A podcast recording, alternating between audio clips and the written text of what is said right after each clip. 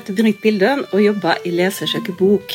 Nå er jeg så heldig å sitte her med to utøvere som snart, om bare noen få timer, skal ha urpremiere på forestillinga 'Spelemannen for Korsneset'. Silje Breivik og Thea Marie Ytterdal, hvordan er premieren premierenervene? Litt spent, ja. De er til stede. Ja. Det er de. Ja. Men jeg gleder meg veldig til å få vise for publikum. det, ja. det blir kjekt. Det blir veldig kjekt. Ja. Jeg tror jeg blir sikkert litt nervøs akkurat det. Vi Ja. setter i gang, men jeg tror det skal gå bra. Ja. Ja. Den tid, den sorg. Ja. Denne forestillingen er basert på en roman av Gro Nilsdatter Røst. Og den heter det samme, 'Spelmannen for Korsneset'.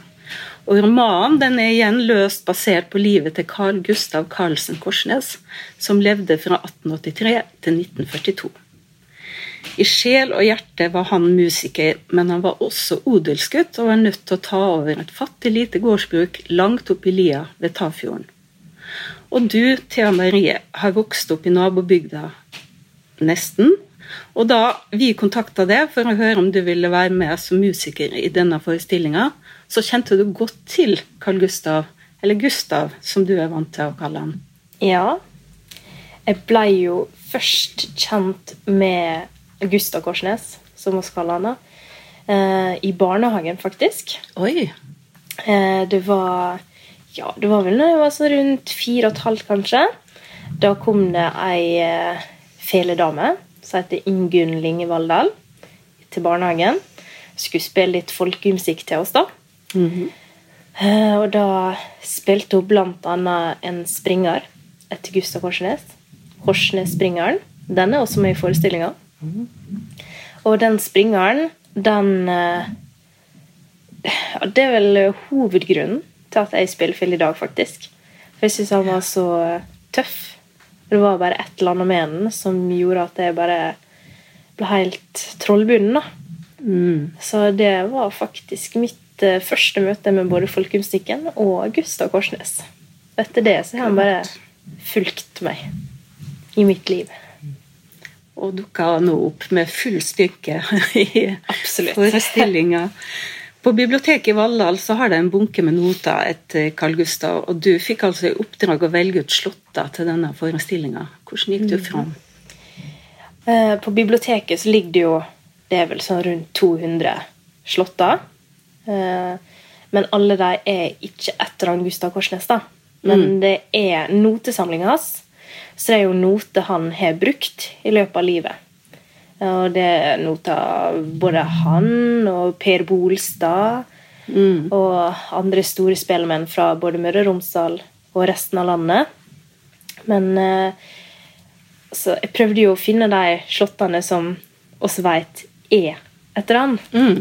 Eh, Det ikke, var ikke bare enkelt, det heller. For det, det som var problemet før i tida med de som samla inn folkemusikk, da, eller skrev ned folkemusikk, det var at de var ikke alltid så flinke til å skrive hvem det var etter, eller hvem som har skrevet det. Men jeg har jo funnet fram til noen slåtter mm. som er etter han, som da selvsagt er med i forestillinga. Du møtte på et spesielt problem, for i boka så er det en bærende melodi som går igjennom, som Ja. heter 'Himmelslåtten'. Ja, den himmelslåtten er jo Jeg vil påstå at den røde tråden, eller en av de røde trådene i boka, kommer igjen ved flere anledninger. Men eh, når jeg drev og så gjennom alle notene på biblioteket i Valldal, så fant jeg ingen som heter Himmelslåtten. Så eh, Men det fant du en god løsning på. ja, jeg fant jo til slutt ut at jeg bare måtte lage en uh, slott da. Som heter Himmelslotten. Så jeg har da komponert en Det er vel en slags marsj, som jeg da jeg kaller for Himmelslotten. Som da blir på en måte til ære for forestillinga, men også til Gustav Korsnes. Det blir veldig fint. Ja. Du Silje, du er også fra Sunnmørsregionen, Ja. men du hadde ikke hørt om Carl Gustav før du ble med på denne forestillinga? Nei, jeg hadde ikke hørt om han, men jeg visste at det var en del At det var så mye musikk inn i Tafjorden. At det var mange eh, folkemusikere der. Da er det naboen min, en gammel mann, han spilte trekkspill. Han kom fra Tafjorden. Og ja, så jeg visste liksom at det var et område med mye musikk, da. I boka og i forestillinga så møter vi Carl Gustav som 18-åring.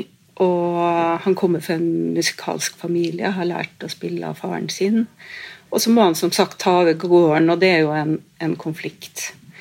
Men dette er slett ikke alt. Det skjer mye i livet til Carl Gustav Korsnes.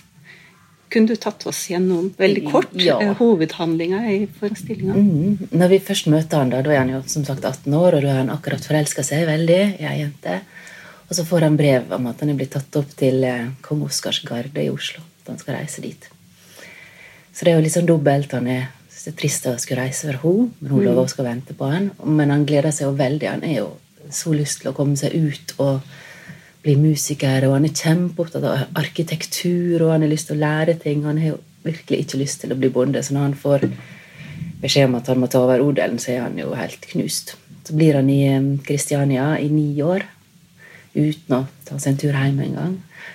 Han er ja, redd for å fortelle kjæresten at hun må bli gardskjerring. Litt av en sjanse å ta å bli Ja. borte så lenge. Ja, skriver mye brev, da, men han er jo ja, han er veldig, veldig redd for det der. hun- For hun er ikke vokst opp på gard, sånn som jeg skjønner det. Hun kan ikke melke geiter. Men hun eh, Han drar jo hjem og forteller det til slutt, og da, da tar hun det med, med godt mot. Og så flytter hun opp på Korsnes, og det er veldig Det virker veldig tøft å bare få det til å gå rundt og ja, klare seg. Det er lite penger, og det er skrinn jord, og det er mye arbeid. Og han vil jo egentlig bare spille fele. Ja. Men ja. Og så um, blir hun gravid, så, men så får han en mulighet da, under Tafjord kraftverksutbygginga. Så blir han spurt om han vil komme og jobbe. For da har han jo gått på skole i Garden og lært seg å tegne hus, blant annet. Så blir han blir spurt om ikke han vil komme og jobbe for Tafjord Kraft og bo inne i Tafjorden så lenge utbygginga pågår. Og det er jo en kjempesjanse. Så da hjelper de til med at noen kan, de betaler for at noen kan passe på gården i de åra. Og det er veldig fine år da, for hele familien. For flere unger. Kona liker seg veldig godt. Men etter seks år så må de tilbake. Mm. Det Til en gard som aldri fikk strøm, selv om kraftledningene går rett over huset deres. Ja, ikke strøm, ikke innlagt vann. Halvtime å gå fra sjøen rett opp for å komme seg opp dit. Og der er vel poteter, de har noen kuer og noen geiter. Men eh, ja. Et barskt liv, men et innholdsrikt. Et Ja, de får seks unger, og han eh, lærer jo ungene, iallfall noen av dem, å spille fele. Og bestemmer seg for å starte kor inne i fjøra. Mm. Midt oppi Sjølmann. har veldig mye å gjøre, så tett han likevel av tid da, til å eh, lede et kor. Og det, det er med stor suksess, og det gir han veldig mye. Mm. Og så er det også uten jeg skal si for mye, men et møte med storebroren kommer tilbake, så de har et treff der han er veldig sint for at han på en måte svikta han og lot han ta over denne skrinne gården.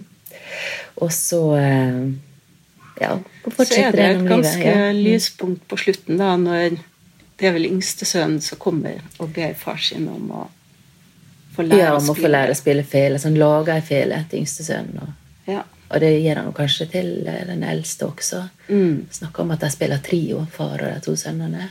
Mm. Um, ja, så det er jo mye det, og, det, og jeg tenker når den Tafjord-ulykka kom, med bølger som, som tok jo så mange hus og mange som døde, så var de jo heldige at de bodde høyt oppe i fjellgarden, så Mm, langt unna faktisk. bølga at de overlevde. jo. Ja. Mm. Og, så, og så følger vi han helt mot slutten av livet, han blir sjuk og til slutt dør da med familien rundt seg. Mm. Altså, det er et veldig fint portrett av den tida, syns jeg. Ja, altså det er jo et portrett av et helt liv, på en måte, men det er jo også portrett av eh, moderniseringen av Norge. Altså det er mye Norges historie i Ja. det stykket her. Så fint den historien om noen som at han vil At på en måte du har så mye som du vil, men du har den, den plikta, da. Ja. Det du Ja.